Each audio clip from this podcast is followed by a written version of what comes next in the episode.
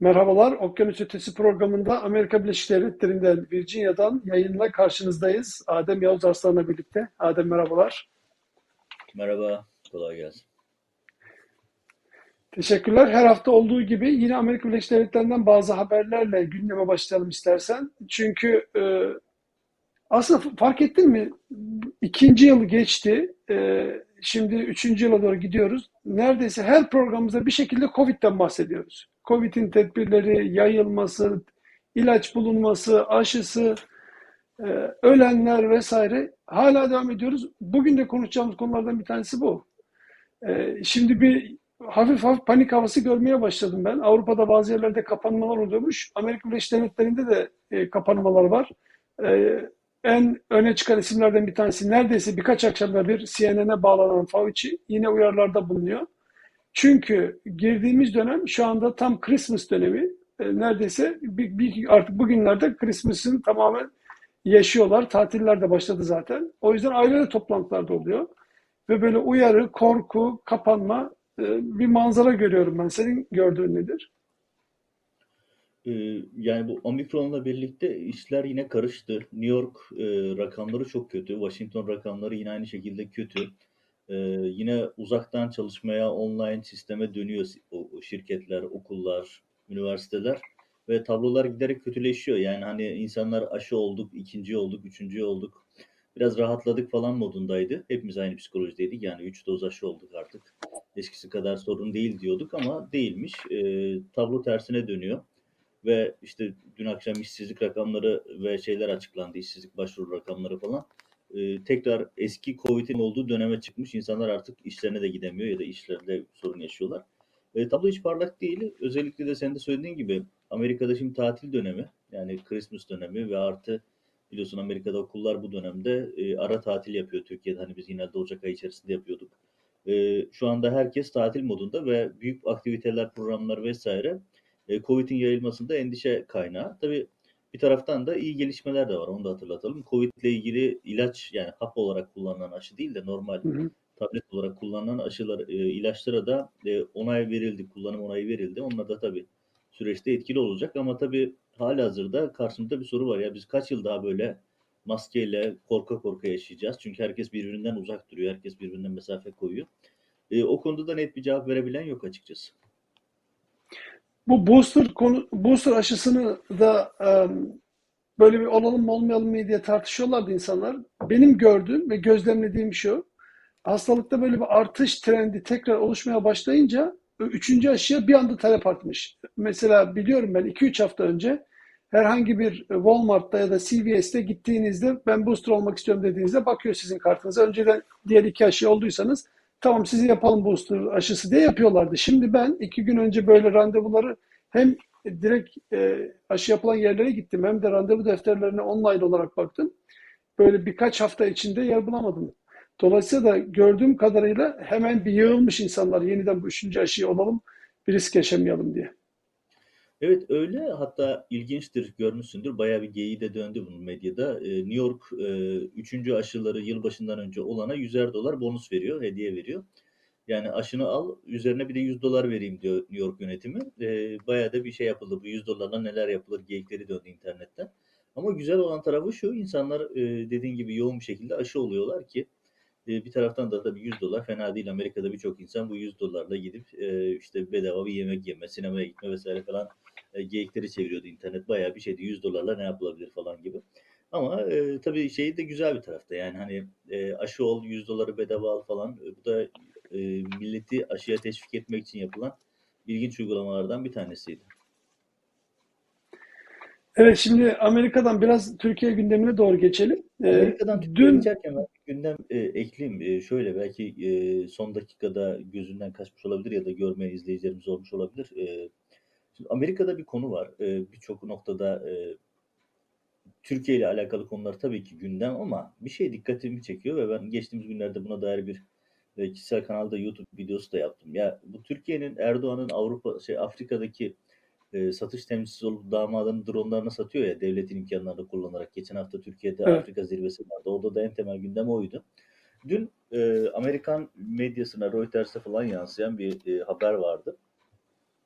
Ve kulislerde de konuşuluyor bu Washington'da. E, Türkiye'nin Afrika'da sattığı dronlar yani Erdoğan'ın damadının dronları e, insan hakkı ihlalleri konusunda bayağı e, problem olmaya başladı. Yani daha önce değişik ülkelerde sorunlar çıkıyordu. Somali'de falan da yaşanmıştı. Şimdi bugün dün bir haber çıktı. Etiyopya'da Türkiye'nin gönderdiği işte bu damadın dronları e, bir takım insan hakkı ihlallerinde kullanılmış. Bir takım sivillerin öldürülmesinde vesaire. Amerika bu konuda Türkiye'yi uyardığını söylüyor kaynaklar. Yani bu yaptığınız şeyleri görüyoruz yapmayın şeklinde. Bu Erdoğan rejiminin enteresan özelliği. Hani hatırlarsın daha önce de e, Nijerya'ya silah gönderiyorlardı. İşte başka ülkelerde, e, Somali'de, e, yine aynı şekilde Etiyopya'da, e, hatta Ruanda'da bile Tabii tabii takım Türk Hava dronlar Yolları uçaklarında yakalandı silahlar. Evet, yani bu tip şeyleri e, son dönemde arttırdılar. Yani Erdoğan damadının satış temsilciliği yapıyor, drone satıyor. Hani Avru- e, dronları satmalarında şöyle bir detayı var, teknik olarak söyleyeyim. Yani Erdoğan adına bakıldığında bir başarı hikayesi gibi sunuluyor. Çünkü Türkiye'nin dronları Amerikan fiyatının onda biri fiyatına. Yani Amerika'nın ürettiği e, Reaper'lar var şu an 20 milyon dolar. Türkiye'nin dronları 2 milyon dolar. Böyle bir e, şey var, e, realite var. Dolayısıyla Afrika'daki birçok otoriter ülke, diktatör Erdoğan'ın dronlarını tercih ediyor. Erdoğan da damadının dronlarını satıyor. Ama bu dronlar e, dünyanın dikkatini çekiyor ve özellikle hani geçtiğimiz günlerde Putin de e, Ukrayna'daki gerçi o daha çok insan hakkı ihlalinden çok politik bir e, gerekçeydi ama Afrika'da birçok noktada e, Erdoğan'ın gönderdiği dronlar e, özellikle insan hakkı ihlallerinde çok sık kullanılmaya başlandı. Bunlar uzun vadede Türkiye'nin ciddi başını aratacak konular. Hani şimdiden not edelim, şimdiden söyleyelim. Hani hadise sadece drone sattım oradan para kazandım meselesi değil. Dikkat etmekte fayda var. Yani böyle dünyada şimdi Erdoğan ve ailesini izliyor. Bir, her yerden çıkıyorlar. Ya lüzumsuz yerlerde, alakasız işlerin içinde, böyle para kazanılacak işlerde, insanların kafasını karıştıracak işlerde, hatta böyle başkalarının öldürdüğü olaylarda bile bu Erdoğan ve ailesi çıkıyor. Yani neredeyse Türkiye'de artık böyle bir çeteden, yapılaşmadan, bu oligarşik yapıdan falan bahsediliyor da artık dünyanın da başına bunlar e, sıkıntı olmaya ve hatta artarak sıkıntı olmaya devam ediyorlar. Ya böyle bir bir dünya için bir sıkıntı olmaya başladı Erdoğan ailesi. Yani uzun zamandır sıkıntı ama artık daha pervasızca yapıyorlar. Eskiden bu kadar pervasız yapmıyorlardı. Daha böyle diplomatik yolları tercih ediyorlardı. Daha perde arkasındalardı. Artık öyle bir şeyleri yok. Yani Erdoğan şunu kazandı, hmm, şey yaptığını düşünüyor dünyaya. Yani ben böyleyim kardeşim. Benim Türkiye önemli bir ülke. Ben de böyle yönetiyorum. Benimle uzlaşacaksınız. Benimle çalışacaksınız. Çünkü Türkiye'nin stratejik değeri çok fazla. Ee, önemli bir ülke. Ee, burada ben böyleyim ve benimle böyle çalışacaksınız modunda. Ee, ve bunu da bu Avrupa'nın ve Amerika'nın ayıbı. Yani çünkü Erdoğan'ın bu pervasızlıklarını hep alttan aldılar. Almaya da devam ediyorlar. Yani bugün Erdoğan'ın bu kadar tabiri caizse zamanadan çıkması, diktatörlükte sınır tanımamasının arkasında aslında özellikle Obama yönetiminin büyük hataları var. E, çünkü Erdoğan'a aşırı kredi açtılar. Avrupa yönetimi, Macron'un ve Merkel'in, özellikle Merkel'in çok ciddi hatası var. İngiltere zaten son dönemde Erdoğan'ın en büyük destekçisi, hatta neredeyse e, bu işin liderliğine soyunmuş vaziyette. Dolayısıyla bugün yaşadığımız e, hani yurtta sorun, dünyada sorun, hani o tam tersine çevirdi Atatürk'ün e, politikasını. E, bunun arkasında çok ciddi etkileri var. Yanlışlar, yapılan yanlışların yansımaları bunlar. Yani pervasızca Evet. siz oralara drone satıp orada insanların öldürülmesine sebep oluyorsunuz. Yani bunu şimdi bazı izleyicilerimizi tekrar anlaması için hatırlatayım. Şimdi mesele ticari olarak e, hani drone sattın para kazandığın meselesi değil. Mesela Amerika'dan niye drone alamıyor insanlar? Sadece para olması değil. Amerika'da ya da işte İsrail'den e, büyük drone üreticilerinden almak istediğiniz zaman bunun nerede kullanılacağına, nasıl kullanılacağına karşı çok önemli yaptırım şeyler var, düzenlemeler var. Mesela insan hakkı ihlallerine karışırsanız o ülkenin parlamentoları size silah satmıyor. Mesela Hı Amerikan hı. parlamentosu size silah satmıyor. Mesela en son e, yanlış hatırlamıyorsam 16 milyar yok e, 1.6 milyar dolardı yanlış hatırlamıyorum. Rakam oldukça yüksekti. Mesela Nijerya'nın silah satışını iptal etti Amerikan Kongresi. Nijerya'daki insan hakkı ihlallerinden dolayı. Dolayısıyla Erdoğan'ın öyle bir takıntısı olmadığı için gelip Erdoğan'dan alıyorlar ve kullanıyorlar. Hani bayağı bir başımızı ağrıtacak bu mesele. Evet şimdi tabii bir taraftan sürekli bir sistemi de çalıştırıyor Erdoğan. Bugün aralığın sonundayız. E, 2021 yılının aralığın sonundayız. 17-25'in üzerinden 8 yıl geçti. İşte 15 Temmuz'un üzerinden Erdoğan'a göre böyle milat sayılabilecek zamanların üzerinden 5,5 yıl geçti. Fakat dün bir bakıyorsun yeniden bir liste daha yayınlıyorlar. Bu listede üzerine kocaman yazmışlar. e, Türkiye'deki mal varlıklarının dondurulması istenen kişiler listesi. 700-800 tane ismi alt alta sıralamışlar. Bunu da altına İçişleri Bakanı'nın ve Hazineden sorumlu bakanın imzalarını koyarak, isimlerini koyarak yayınlamışlar. Ya buradaki moral motiva buradaki motivasyonları ne? Onlara göre pek çok olayın üzerinden yıllar geçmiş olmasına rağmen bu isimleri tekrar gündeme getirip mal varlıklarını dondurmasını neden istiyorlar? Mesela bak baktım listeye içinde senin de benim de olduğum özellikle bir sürü gazetecinin ismini koymuşlar. Türkiye'deki mal varlıkları dondurulsun diye böyle TC kimlik numaralarından kimlik bilgilerine kadar pek çok şey yayınlamışlar. Öbür tarafına da hatta böyle terörist diye de isimlerde bir sütun açmışlar, oraya da koymuşlar. Bunu sence niye yapıyorlar? Bir tarafta Türkiye ekonomi artık almış başına her taraf toz duman giderken, siyaset karma karışık seçimler oldu olacak tartışılırken başka bir e, alandan, yoldan da bunları yürütüyorlar. Buradaki özellikle bu son liste üzerinden konuşursak ne düşünüyorsun? Ya şöyle, işin e, mizah boyutu ayrı bir konu. Yani düşündüm, listedeki kişilere baktım. Yani lisedeki kişilerin çoğunu tanıyorum. E, yani şey, e, bizimle olan kısımları söylüyorum. Hani orada işitlilerin ya da PKK'ların olduğu bölümü tanımıyorum. Onları tanıma şansım yok zaten. Ama e, şeydekileri tanıyorum. E, diğer bölümdekileri 400 kişinin olduğu bölümü. Çünkü çok büyük kısım zaten kamuoyunu yakından tanıdığı isimler. Gazeteciler, akademisyenler, evet. Yurt dışında olan ve insan hakları ihlalleri konusunda e, çalışmalar yapan insanlar. Yani Mehmet Efendi Çama gibi isimler, hepimizin bildiği isimler. Senden, benden, e, diğer gazetecilerden, Cevheri Güven'den, ne bileyim Said Sefa'dan vesaire böyle e, uzun bir liste var. Şimdi bu listenin amacı şey, birinci amacı şu, 25 Aralık'ın yıl dönümünde e, bir nevi Erdoğan için, Erdoğan için semboller çok önemlidir. Erdoğan sembollere fenalde takmış bir adam. Yani işte e, bir hatırlarsın, 17-25 sonrası cemaat aleyhine yaptığı ilk davanın e, sayısı 1453 sayfaydı iddianamenin pardon. Evet evet. Kocaman gazetelerde manşet yapmışlardı. Yani böyle komik komik şeyler yapılan bir e, saplantısı olan birisi. Ve buradaki meselesi de şu. Birinci mesele 25 Aralık'ın yıl dönümünde. İşte burada çünkü Zekeriya Öz var savcı. Başka savcılar var. Çoğunluğu listeye baktım. Çoğunluğu emniyetçiler. E, bayağı bir emniyet müdürü var listede. E, emniyetçiler var. Çoğu e, gazeteciler ve yargı mensupları var. Yani ağırlıklı olarak. Bunların içerisinde doğru düzgün evet. adam yok. Yani e, parası pul olan insanlar değil bunlar. Yani hepimizi toplar. Öyle ama iş adamlar benim gözüme çarpan iş adamlar isimleri de var. Bayağı vardı. Yani evet birkaç tane iş adam ben de gördüm ama ağırlıklı olarak yani listenin çok büyük bir evet. kısmı fikir işçisi insanlar. Yani bunların parası olmaz senin benim ne, ne paramız olacak? Yani biz zaten fikir işçisi insanlarız. Bu insanların e, ve diğerleri de zaten bürokrat. Yani bürokratın da parası olmaz. Bu insanların tabi AKP'li bürokrat değilsen onların evinden e, ayakkabı kutularından filelerden para çık fışkırıyor. Ayrı bir konu. Ama bu arada gazeteciler demişken bugün havuz havuz gazetecilerine bakarsan sadece bir tanesi geçenlerde ismi çıkan Veysi bile ortaya saçılan paralar o ismi geçenlerin hepsini yüze falan katlar herhalde. Yani bizim bu listedekilerin hepsini toplasak bir havuz gazetecisi kadar parası etmez. Çıkmaz bu kadar. Etmez. Şeyden. Şimdi şöyle burada temel amaç bir 25 Aralık yıl dönümü. Hani çünkü orada savcılar var, gazeteciler var, e, bürokratlar var, emniyetçiler var. Ve 25 Aralık'ın yıl dönümünde e, hali hazırda Erdoğan o 25 Aralık intikam her sene 25 Aralık'ta biliyorsun Hidayet Karaca'yı da bir e, birinci yıl dönümünde tutuklamışlardı. Her sene evet. 25 Aralık 17 Aralık'ta böyle bir takım hamleler yapıyor. Bu onlardan bir tanesi. İkinci hamle şu. Şimdi bu daha öncekiler mahkeme kararları. Yani mesela benim daha önce mal varlığıma el konmuştu. E, değişik mahkemeler aracılığıyla. E, pasaportum 15 Temmuz'dan önce iptal edilmişti vesaire. Şimdi bunların hepsi zaten daha önceden yapılan işlemler. Yani daha önce mal varlıklarına el koydular bir daha koyuyorlar. İşin bir psikolojik algı çalışması var işte. Bugün bütün gazetelerde var işte 700 küsür tane teröristin mal varlığına el koyduk. Ya terörist sizsiniz kardeşim bu ülkede dünya kimin terörist olduğunu çok iyi biliyor. Ama onu öyle, onu öyle demezler. Terörist babandır derler. Yani şimdi babalarını karıştırmayalım. Belki mübarek namuslu insanlardır. Biz e, sadece kendi yaptıklarından sorumlu tutalım aile ilişkilerine girmeyelim ama şöyle bir realite var. Burada tabii amaç şu. Bir 25 Aralık'ın üzerine. iki uluslararası platformlarda e, bu listede olan isimlerin sorun yaşamasını istiyorlar. Temel mesele konuşan, yazan, çizen, e, akademik çalışmalar yapan, yazı yazan, kitap yazan, program yapan insanları susturmak. Çünkü şöyle bir realitesi var. İzleyicilerimize aktaralım.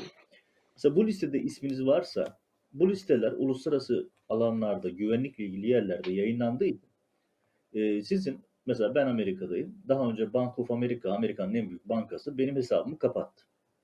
Kredi kartımı iptal etti, banka hesabımı kapattı ve benim dedi ki seninle bundan sonra çalışmayacağız. Neden? Çünkü benim adım işte Türkiye'deki mal varlığıma el konma, adım kırmızı bültenle aranma listesine eklendiği için, yani hakkımda kırmızı bülten çıkartıldığı için terörist olarak bunlar veri tabanlarını alan bankalarla, güvenlik kurumlarla çalışan şirketler var ve bankalar bunları takip ediyorlar. Yani bu sadece e, Amerika için değil, dünyanın her yerinde böyle. Bu listede olan herkesin yarın bir gün, önümüzdeki günlerde e, sorun yaşamasını istiyorlar. Ve burada yani maksat hayatı da zorlaştırmak. Ne gibi? Çünkü bu listedeki herkesin e, şu ana kadar yaşamadıysa yakın zamanda yaşayacağı bir sorun. Bir bakmışsınız kredi kartlarınız çalışmıyor. Bir bakıyorsunuz e, banka hesabınız dondurulmuş. Çünkü donduruyorlar. E, benim donduruldu yani daha önce biz ben Bank of America'ya dedim ki niye yaptınız? Açıklama yapmak zorunda değiliz dediler. Ama e, temel açıklaması şu, e, birkaç kişi aynı durumu yaşadı bu civarda bildiğim. E, adımız kırmızı bültende olduğu için e, böyle bir e, şey var. E, zo- zorluk çıkartma, sorun yaşama. Çünkü hani sonuçta bu ülkelerde kredi kartsız, banka hesapsız yaşayamazsınız. Her şeyiniz oraya bağlı çünkü. E, burada biraz bunlara e, hayatı zehir etmek, sıkıntı çıkartmak gibi bir şeyleri var. Yoksa bu listedekilerin Türkiye'deki mal varlığı ne olacak? Yani benim tüm Türkiye'deki mal varlığım 20 sene çalışıp zar zor ödediğim bir evdi yani o kadar. Yani bu bir şey değil. Yani bunları Evet. alsan ne olur? Hazinedeki açığı kapatmaz.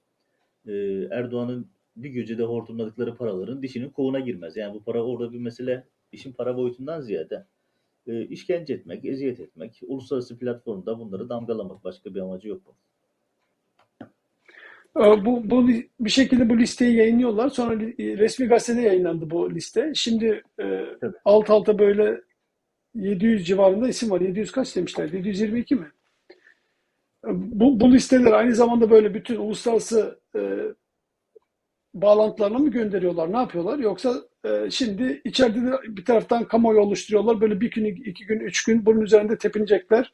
Böyle bir olgu mu e, oluşturmaya çalışıyorlar? Hani şöyle yani bunların e, tutulduğu uluslararası veri tabanları var ve bankaların, finans kurumlarının, bütün uluslararası kurumların mesela uçuş listelerinin yani zaten bizim pasaportlarımız iptal edildiği için ben 7 yıldır uçamadım yani seyahat edemiyorum ama mesela diyelim ki bir şekilde seyahat etme imkanım oldu.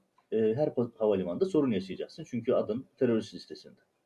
Yani bu tip sorunları yaşatmak için yapıyorlar. Başka bir amaçları yok. Evet, evet. Ee, tabii Türkiye'de şimdi bunları bazı insanların gündemine sokuyorlar ama tam da dediğimiz gibi geçen hafta programı kapatırken de bahsetmiştik. Önümüzdeki hafta 25 Aralık'ın yıl dönümü olacak. Biraz da ondan konuşmak gerekecek demiştik. Ve da konuşulması gereken konulardan ve yolsuzluğun ortaya çıktığı, asıl böyle mücessem hale geldiği en e, önemli günlerden bir tanesi 25 Aralık 2013'tü. O zamanlar Erdoğan ve ailesinin hangi iş adamlarıyla nasıl bağlantılar kurdukları böyle çarşaf çarşaf ortaya dökülmüştü. Konuşmalar, görüntüler, e, çok kritik arazilerin satışma, satışları, onlardan elde edilecek rüşvetler vesaire.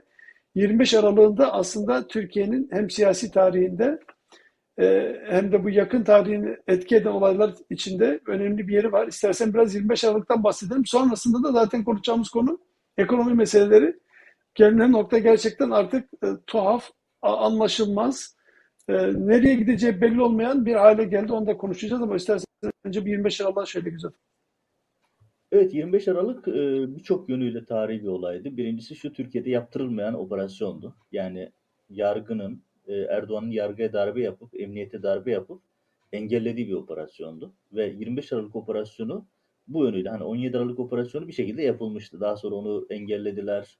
E, hakimleri savcılar tutuklayıp sanıkların hepsini tahliye ettiler bıraktılar ama 25 Aralık operasyonu hiç yapılamadı. Başlayamadı bile. Yani hani operasyonun fezleke aşamasında kaldı herhangi bir şekilde ilerlemediği için zaten bu yönüyle tarihi bir olaydı. Şimdi ben polis fezlekesini defalarca okudum. Bunun üzerine çok yayın yaptım. Çok yazı yazdım.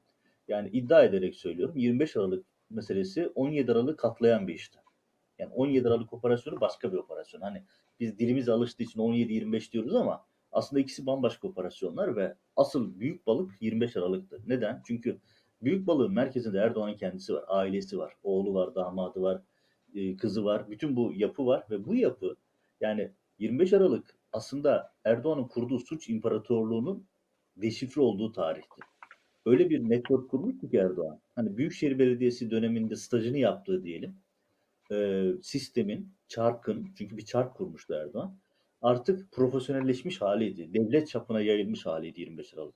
Ya düşünün Erdoğan merkezine oturuyor ve Türkiye'de büyük ihaleler, projeler adı altında bir rant sistemi kuruyordu. Yani havalimanı. Ya havalimanının ihtiyaca göre olduğundan mesela şimdi Kütahya'ya bir havalimanı yaptılar kimse uçmuyor. Ama garanti verildiği için her sene hazineden o para veriliyor. Bugün yaşadığımız büyük ekonomik çöküşün nedeni aslında Erdoğan'ın kurduğu bu çark sistemi. 25 Aralık bu çarkı ortaya dökülen bir e, şeydi, operasyondu. Ya 3. havalimanı. Ya İstanbul'da Atatürk Havalimanı biraz update edilip biraz genişletildiği zaman son derece rahatlıkla iş görecek bir havalimanıydı. Ama gittiler oraya ya pistlerini kırdılar. Hala akıl alır gibi değil ya. Pistleri kırdılar oraya Evet evet. pandemi hastanesi yaptılar. O pandemi hastanesi de kullanılıyor mu hiç görmedik bugüne kadar. Bilmiyorum ne durumda. O da belli değil. Ama ilginçtir. İstanbul Havalimanı Ama kendi uçak kendi uçaklarının kendi uçaklarının inip Evet. kalkacakları bir yeri de boş tuttular. Atatürk Havalimanı'ndan vızır vızır da özel uçaklar kaçıyor. Acaba ne götürüyor, ne getiriyor ayrı bir soru işareti. Şimdi 3. havalimanı. Ya orada şimdi siz havalimanı yapıyorsunuz. Şovunu kısmını geçtim. Ee, yandaş iş adamlarına ihaleyi veriyorsunuz. Beşli çeteye ve onun uzantılarına. Beşli çetelerden astronomik rakamlara veriyorsunuz ihaleleri. Yani bir birim olacak bir şeyi 10 birime veriyorsunuz. O 10 birimden 3 birimi zaten size bir kere kesinlikle rüşvet olarak geri dönüyor Erdoğan. Ve bütün o sistem hani bir de sadece ihaleyi verip işi bırakmıyorlar. Havalimanı yapıldıktan sonra işletmesini dahi kendileri yapıyorlar. Yani mesela damadının, Erdoğan'ın oğlunu falan havalimanındaki gastronomik restoranları düşünün. Oraya kadar her şeyine yani hani, hani bir Anadolu'da çok kullanılan bir tabir vardır ya kurbanla ilgili etinden, sütünden, tırnağından, toynağından yararlanma. Erdoğan Türkiye'deki her şeye böyle bakıyor. Yani sadece ihaleyi verip oradan komisyonu alıp çekilmiyor. Oradaki işletmelere kadar işliyor. Mesela işte İstanbul'da 1. Boğaz Köprüsü'nün ayağında Zorlu Center var biliyorsun. Ya orada bile Erdoğan'ın oğlunun restoranları var. Yani düşünün hiçbir yeri kaçırmıyor. Ve buradan düşünün ben ihaleyi sen iş adamısın ben Erdoğan'ım diyelim Allah korusun. Ben sana diyorum ki Metin şu ihaleye gir ama 100 milyon dolar da bana vereceksin. Ben sana sen bana 100 milyon dolar veriyorsun ben sana ihaleyi veriyorum ama zaten o verdiğin 100 milyon dolar rüşvetin içinde zaten fazlasıyla ihaleden alıyorsun. Çünkü garantiler veriliyor, şartnameler değiştiriliyor. Yani mesela düşün ihalenin içerisinde sürekli şartname değişiyor. Ve sen sürekli kar ediyorsun. Deli gibi. Hatta iş adamları 25 Aralık ses kayıtlarında var bunlar. E, 25 iş adamları kendi arasında şu tartışmayı yapıyor. Ya diyor işte beni diyor şu ihaleye alsınlar ben 30 milyon daha vereyim diyor. Ya 30 milyon dolar, 50 milyon dolar ihaleler bu şekilde dağıtılıyor. Ve Erdoğan ses kayıtlarından görüyorsun işte orada TOKİ Başkanı'na fırça atıyor. Benden habersiz diyor kupon arsaları satmayacaksınız. Ya Türkiye'deki kupon arsaları bile Erdoğan takip ediyor. Kime verilecek, kaça verilecek, nasıl verilecek, satılmış ihaleleri iptal ettiriyor vesaire. 25 Aralık böyle bir operasyon. Bir, bir de bu bir de bu sattıkları yerler yani devletin bu millete ait olan en değerli arazileri satıyorlar. O Etiler'deki polis okulunun yerini hatırlasana o, o 17-25 dosyaların içinde. Ve yani her yerinden suç akıyor Erdoğan. Bakın ihaleye fesat karıştırma var, sahte evraklı var, e, evrakta sahtecilik ve dışında e, kamu gücünü kullanıp orada e, sahte işlemler yapıyor. Kamu bankaları zaten kevgire çevrilmiş. Ya birazdan ekonomik kriz meselesinde de konuşacağız. Türkiye'de kamu bankacılığı falan kalmadı. Erdoğan'ın elinde oyuncak bunlar şu anda. Ve 25 Aralık böyle bir operasyondu. Bakın tekrar söylüyorum. Türkiye 25 Aralık operasyonunu yapabilmiş olsaydı bugün bu yaşadığı ekonomik çöküşü yaşamazdı. Bugün yaşadığı bu siyasi çöküşü yaşamazdı. Çünkü 25 Aralık bu network'ün açığa çıktığı tarihti. Yani yandaş iş adamları, bürokratlar, Erdoğan ailesi, bu kurulan network, bu çete e, deşifre olmuştu 25 Aralık'ta. Ve orada operasyonu yaptırmadı Erdoğan. Ve medya ve siyaset, bürokrasi. Burada en büyük suç da muhalefetin. Hatta geçtiğimiz günlerde Cem Küçük, e, bu müptezellerin bir tanesi biliyorsun havuz medyasının. E, Cem Küçük ağzından televizyonda kaçırdı. Gerçi muhalefet için çok büyük bir ayıp bu. Dedik yani muhalefet eline gelen tarihi fırsatları hep değerlendiremiyor. Mesela 17 Aralık dedi sonra e, kırdığı potu fark etti cümleyi değiştirdi ama laf çıktı bir kere ağzından. Ve 17 Aralık yani düşün muhalefet değerlendiremedi 17 Aralık. 25 Aralık muhalefet değerlendiremedi. Yani onlar Erdoğan'ın peşine takıldılar FETÖ söylemine devam ediyorlar. Bunca senedir hala aynı E, e, e, 15 Temmuz 15 Temmuz'u değerlendirebildiler mi? Hem biliyorlar 15 Temmuz'un nasıl bir kumpasla 15 Temmuz'da Türkiye'nin karşı karşıya kaldığını. Hem de kalktı gitti Yeni Kapı'da e, Erdoğan'a destek verdi. Arada böyle laflar söylüyor. Hem söylüyor hem de bir taraftan destek veriyor. Yani muhalefetin zaten Türkiye'nin en anlaşılabilir bir tarafı sorunu- yok. Türkiye'nin en büyük sorunu her zaman muhalefetti. Muhalefetin olmamasıydı. Ya bugün yaşadığımız ekonomik çöküşte bile muhalefetin büyük payı var. Ya bu kadar beceriksiz bir muhalefette Erdoğan tabii ki tek kale maç yapıyor. Bu işin bir başka boyutu. Ama 25 Aralık dediğin gibi yani havalimanı, otoyollar, köprüler. Ya düşün Erdoğan ihale yapıyor. Kuzey Marmara Otoyolu. E, iki gün önce bir haber vardı. Kuzey Marmara Otoyolu'nun açılmayan bölümü için 152 gün boyunca açılmadığı halde ücret ödemişiz hazineden iş adamlarına. Üçüncü havalimanı, üçüncü köprü vesaire. Bu köprüler, havayolları, trenler, demiryolları, Ulaştırma Bakanlığı. Bu işin başında Binali Yıldırım var. Binali Yıldırım kaça- e, kasalığını yapıyor. İhaleleri o dağıtıyordu çünkü Ulaştırma Bakanlığı üzerinden. Erdoğan adına ve hani 17 Aralık'ta diğer bakanlar vardı. 25 Aralık'ın merkezinde Binali Yıldırım oturuyordu. Binali Yıldırım mesela Erdoğan diyor ki işte Binali Yıldırım bu özellikle e, havuz medyasının oluşturulması meselesi. Üçüncü havalimanına katılacak firmalara diyor ki sen 20 dolar şey 20 milyon, sen 30 milyon, sen 50 milyon vereceksin. Toplanıyor 600 milyon dolar para toplanıyor. O paralarla sabah ATV grubunun el değişmesi söz konusu. İşte başka örnekler var. Başka e, ihaleler yapılıyor ve oradan toplanan paralarla Erdoğan'ın o suç imparatorluğu inşa edildi. 25 Aralık bu açıdan çok sembolik bir davaydı. Türkiye'nin içine düştüğü bu suç yapılanmasının deşifre olduğu tarihti. Erdoğan bu yüzden hani az önce söyledik ya 25 Aralık yıl dönümünde bizim mal varlıklarımıza el koyma hareketi yapıyor. Sembolik bir hareket yapıyor. Hani işte siz bunu yaptınız, biz bunu yaptık. Ya operasyonu yapan polisler, devletin polisleri, savcılar devletin savcıları. Ya biz gazeteciler e, haberini yaptık. Haber yapmak, böyle bir operasyonun haberini yapmamak zaten gazetecilik açısından mümkün değil. Yoksa e, böyle bir operasyonu görüp de gözünü kapattığın zaman gazeteci olmazsınız zaten. Ve özetle yani sen de söylediğini tekrar hatırlatalım. 25 Aralık Erdoğan'ın kurduğu suç imparatorluğunun deşifre olduğu tarihti.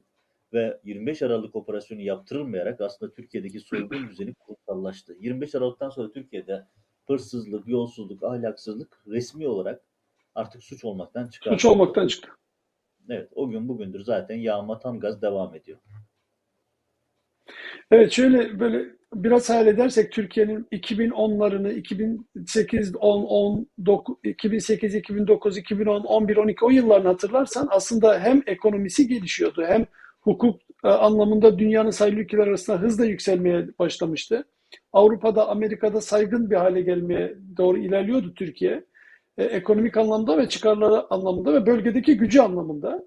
E, fakat bu büyük bir yolsuzluk mevzusu ortaya çıktıktan ve artık Erdoğan ve çetesinin bu bu işin içinden çıkamayacak hale geldikten sonra onlar tamamen bütün bu olumlu giden her şeyi yıktılar.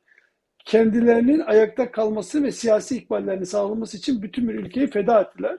Bugün sadece oluşturdukları bir illüzyon. Ama dünyadan baktığın zaman Türkiye maalesef böyle içi boşaltılmış, Hatta yani askeri gücü iyice çökertilmiş, ekonomisi tamamen bitmiş. Baksana Putin neler söylüyor. Eğer diyor tedbirlerimizi almazsak Türkiye gibi oluruz diyor. Böyle neredeyse dünyanın baktığı, gördüğü, e, kendi kendini bitiren bir ülke pozisyonuna geldi Türkiye. Yani hazinesini bitirdi, devletin ürünlerini bitirdi, e, halkı fakirleştirdi. E, ama bir şekilde bir illüzyon oluşturarak kendi seçmenini ve onun seçmenin çevresindeki dairelerin bir şekilde illüzyonlar biz dünya lideriyiz, güçlüyüz.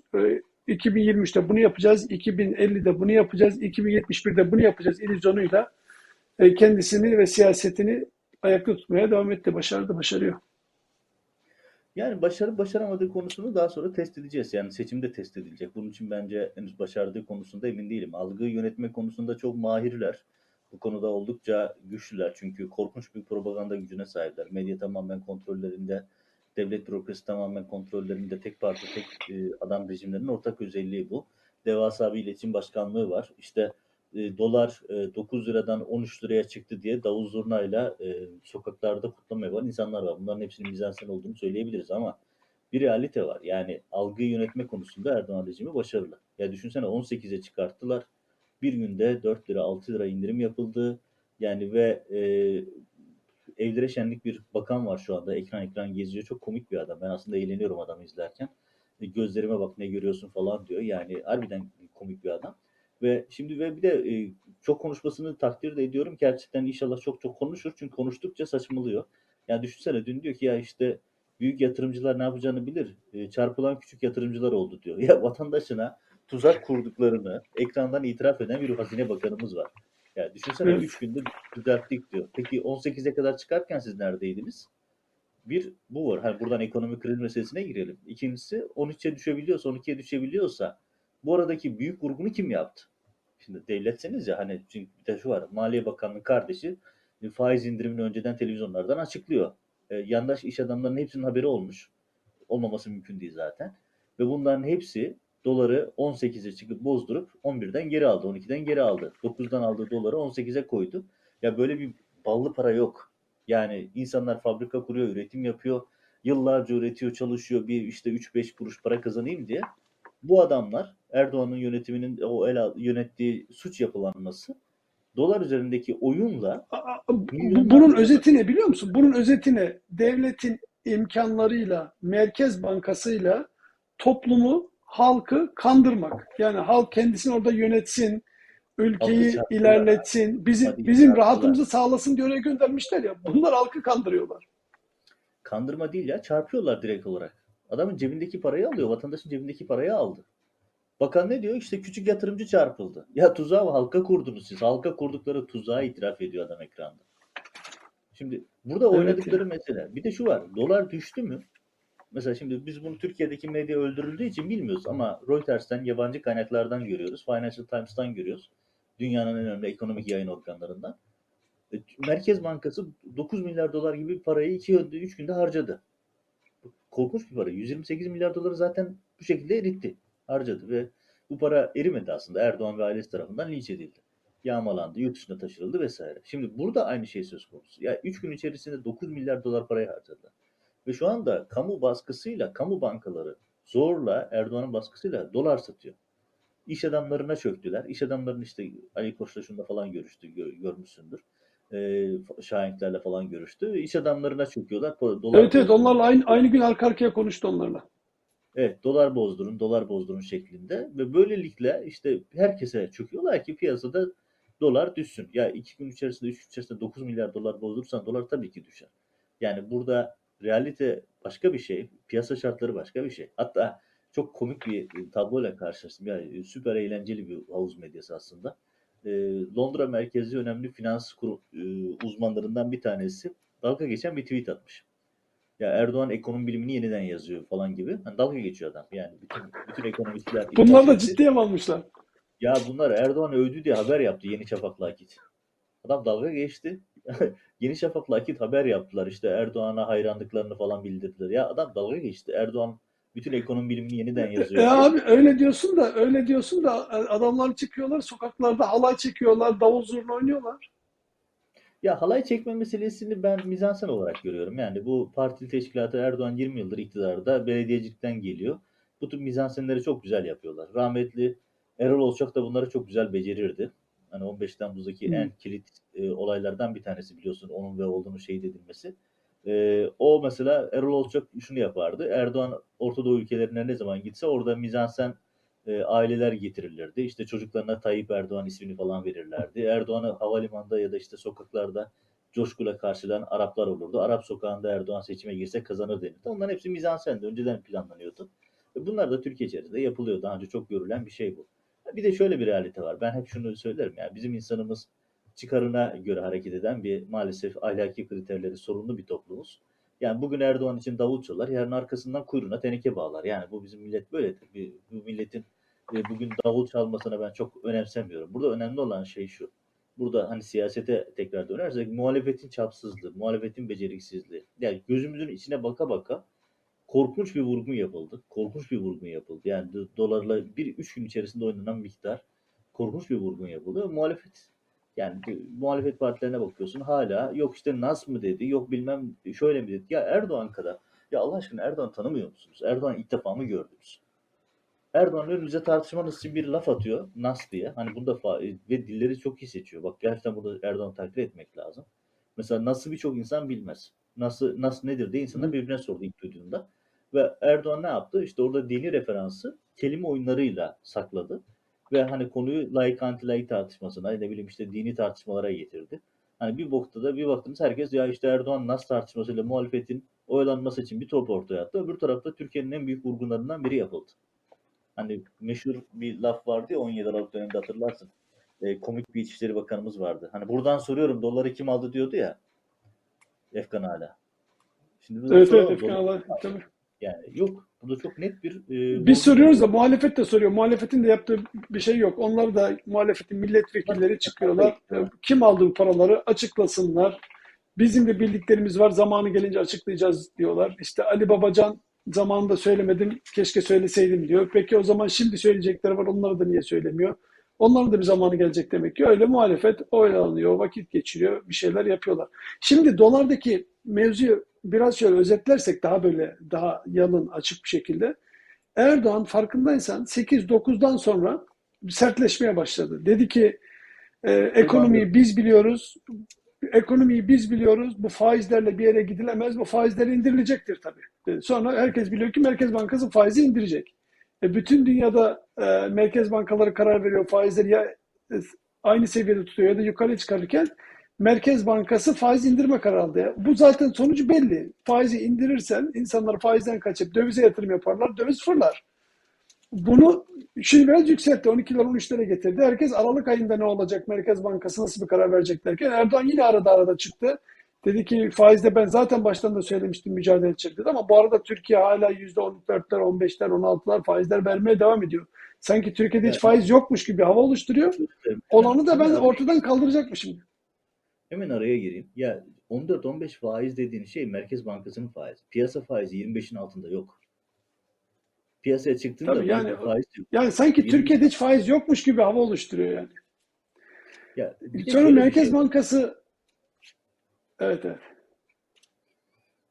Hani şöyle bir şey var ya bir de ya öyle bir vurgun yapıldı ki ve bu vurgunu o kadar ustaca e, yaptılar ki hani kendi ülkesini soydu adam ya. Kendi ülkesini soydu. Ve birkaç gün içerisinde kameraların önünde ve hani e, şey gibi hani ya patron İşte işte nasıl nasıl soyduğunu nasıl soyduğunu anlatmaya çalışıyorum. Öyle bir kararlı duruyor ki ben bu faizi indireceğim de indireceğim diyor. Bu sefer faiz indirince doların artacağı belli. İnsanlar ne yapıyor? Cebimdeki 3 kuruşu diyor bari dolara yatırayım da bu adam zaten kararlı faize de indirecek de indirecek galiba. Çünkü sürekli böyle konuşuyor. Merkez Bankası da onun talimatlarıyla hareket ediyor.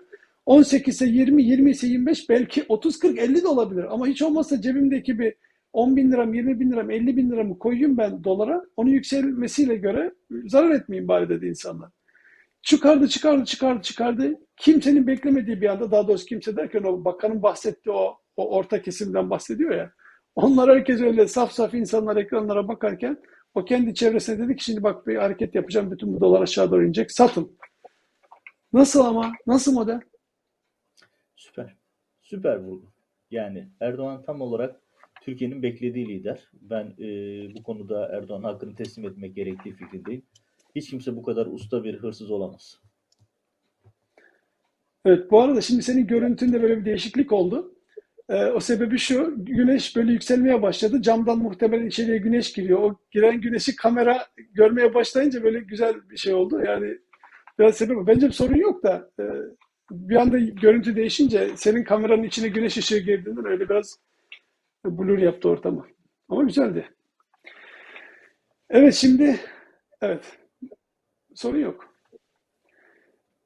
Şimdi e, ekonomi meselelerinden biraz böyle bu bakanın konuşmalarına tekrar dönersek e, ne, ne, Neca, Nebati, ne, Necati, Nebati soyadı ismini hatırlayamadım bir anda. E, adamın soyadı Yani şimdi evet gün, soyadı Nebati. Bakın Evet şimdi o ekranın Metin şöyle bir şey var. Ben gerçekten e, gülecek miyim, başka türlü mü sanacağım? Gerçekten anlamakta zorlanıyorum. Yani hani adam fakirden aldı, zengine verdi. Fakirden aldı, zengini sponsor şey e, sübvanse ediyor ve fakirler sokaklarda. Çok mutlu falan. Erdoğan çok başarılı şeydi. Ya Allah aşkına ya bu ülkede bir anayasa mahkemesi var olsaydı bu dövize endeksli mevduat kuralını iptal ederdi. Ya bu anayasanın eşitlik ilkesine aykırı. Geçmediğim köprünün parasını veriyorum. Kullanmadığım havalimanı parasını veriyorum. Kullanmadığım demiryolunun parasını veriyorum. Yapmadığım, harcamadığım, izlemediğim şeyleri e, havuz medyasının parasını veriyorum. Yetmiyor. Ya ben fakirim, param yok. Fakirim, zar zor yaşıyorum. Yetmiyor. Benim ödediğim vergilerden zenginin kur farkını da ödeyeceğim. Ya zengin her şekilde zaten zengin. Mevduat olan insanlar, parada parası olan insanlar zaten e, her şekilde para kazanıyor. Üstüne üstlük ben vatandaş olarak arada kur farkı oluşursa onun parasını da ben vereceğim. Ya dünyada böyle bir vurgun yok gerçekten. Hani e, Erdoğan'ı gerçekten takdir ediyorum. Yani böyle bir Evet. vurgunu fakirden alıp zengine vermeyi ve bir de bunu faize karşıyım diyen adam yapıyor. Ya bunun dünyada bir örneği yok. Gerçekten böyle bir örneği yok. Hani faize karşıyım diyeceksiniz. Nas bunu emrediyor diyeceksin. En yüksek faizi vereceksin. Ya dolara endeksli faiz getirdi adam. Dünyada böyle bir şey yok. Dolarizasyona getirdi adam. Faizi de Yani bu ne demek endeks. biliyor musun? Faizi bu ne demek biliyor musun? Faiz 5, 10, 15, 20 değil. Sınırsız bir faiz. Dolar ne kadar yükselirse o kadar açık. faiz. Adı olmayan, üstü açık bir faiz oranı. Ve hazine de, hazineden verecek bu parayı. Ve bunu da bir maharetmiş gibi bir ekonomi modeli falan diye satıyorlar. Millet de bunu yiyor. Ya abi afiyet olsun ne diyelim başka Peki tamam. Tamam o zaman bu noktaya gelelim. Bu noktaya gelelim. Senin alanına geliyoruz şimdi. Madem millet bunu yiyor diyorsak e, Erdoğan neredeyse bütün hareketlerini iki şey için yapıyor. Bir, kendi kasasını ve cebini daha çok doldurmak. İki, bir sonraki seçimi kazanmak. Bu hareket gördük ki oluşan bir hafta önceki atmosferi değiştirdi. Bu, bu kesin artık. Dolayısıyla hemen erken, hızlı, baskın bir seçime gider mi? Ya Erdoğan'ın niyeti bu. Daha önce birkaç defa anlattık bu programlarda anlattık. Erdoğan'ın hedefi baskın seçim yapmak. Yani baskın seçimin esprisi de şu. Adı üzerinde baskın. Yani siz hazırsınız, rakibiniz hazır değilken ani bir hareketle seçime gidiyorsunuz ve rakibinizi açıkta yakalıyorsunuz. İşte şu anda muhalefetin içine düştüğü sorunlar gibi. Ve böyle bir ortamda Erdoğan'ın hedefi önümüzdeki 3 ay içerisinde baskın seçim yapmak. Şimdi bu döviz endeksli mevduat meselesi bir defa yapılacak. Sadece işte o tarihte 20 Aralık tarihinde itibaren hesap olanlar yapacak. Şöyle olacak, böyle olacak. Bunun hepsi detay. Erdoğan'ın hedefi şu. Erdoğan kamu paralarını, kamu imkanlarını kullanıp kamu bankalarını, kamu gücüyle özel sektöre baskıları yapıp doları belli bir oranda önümüzdeki 3 ay içerisinde 9, 10, 11 bandında tutmaya çalışacak. Tutacak. En temel hedefi bu. 9-10-11 bandında tutup yani maksimum 12 bandını geçmeyecek şekilde tutup bunun için de gerekirse bütün e, rezervleri eritecek. Hedefi bu. İki, bir yandan işte %50 küsür zam yapıldı asgari ücrete. Bunun benzeri memurlara yapılacak. Eme, yaşamak, emeklilikte yaşa takılanlar vesaire diyecekler. Bir takım finansı rahatlatacak. Çünkü darphane elinde istediği kadar para basabiliyor. Ve böyle bir ortamda hani enflasyonun yükselmesi falan Erdoğan'ın umurunda değil. Oradan Erdoğan'ın umurunda olan şey şu piyasa rahatlayacak rahatlamış gibi olacak. Aslında rahatlamıyor. Ve e, korkunç bir şeyin önü de açıyor ekonomik krizin ama Erdoğan şunu düşünüyor. Ya ben 3 ay bu durumu idare edeyim. 3 ay piyasa biraz rahatlasın. Biraz kamu baskısıyla biz ekonomiyi birazcık toparlayalım. Buradan yürüyelim ve bir baskın seçimdeki 5 yılı garanti altına alalım modunda. Erdoğan hedefi bu. Hatta şöyle söyleyeyim yani parti teşkilatlarına gönderilmiş talimat var. İstanbul'dan e, AKP teşkilatlarından en son aldığım bir takım detaylar dinlemelere göre e, teşkilatlara da bir tarih verilmiş zaten. Ee, bayrak basmaktan, çalışma yapmaktan, işte parti güncelleme yapmaktan bir sürü şeyler hazırlanıyor zaten. Muhalefeti de hazırlıksız yakalayıp bu ara bir erken baskın seçime gitmek istiyorlar. Erken seçim değil de baskın seçime gitmek istiyor. Ve buradaki amacı da tamamen işte e, algıya oynayıp, hani ekonomi ne kadar kötü olursa olsun algıya oynayıp bu algı üzerinden tekrar bir seçimi kazanmak hedefi bu. Tabi bunu yaparken hem Türkiye içerisinde hem yurt dışında bir takım oyun planları var. Mesela bunlardan bir tanesi şu notlarıma tekrar baktım konuşurken. Mesela Amerika'da Halkbank davası işte en son temiz başvurusu reddedilmişti. Şimdi orada bu hafta içerisinde yani önümüzdeki hafta içerisinde bu hafta burada tatil olduğu için yapılamamıştır. Önümüzdeki hafta hemen tatilden sonraki ilk haftada e, Anayasa Mahkemesi'ne gidiyor Erdoğan. Amerika Anayasa Mahkemesi'ne. Halk Bankası Amerikan Anayasa Mahkemesi'ne gidip süreci uzatmaya çalışıyor. Bu 3 ay içerisinde Halkbank davası başlasın istemiyorlar benim duyumlarım Halkbank davasının önümüzdeki yılın ilk döneminde başlayacağı yönünde. Yani 2022 ilkbaharında Halkbank davası başlayabilir.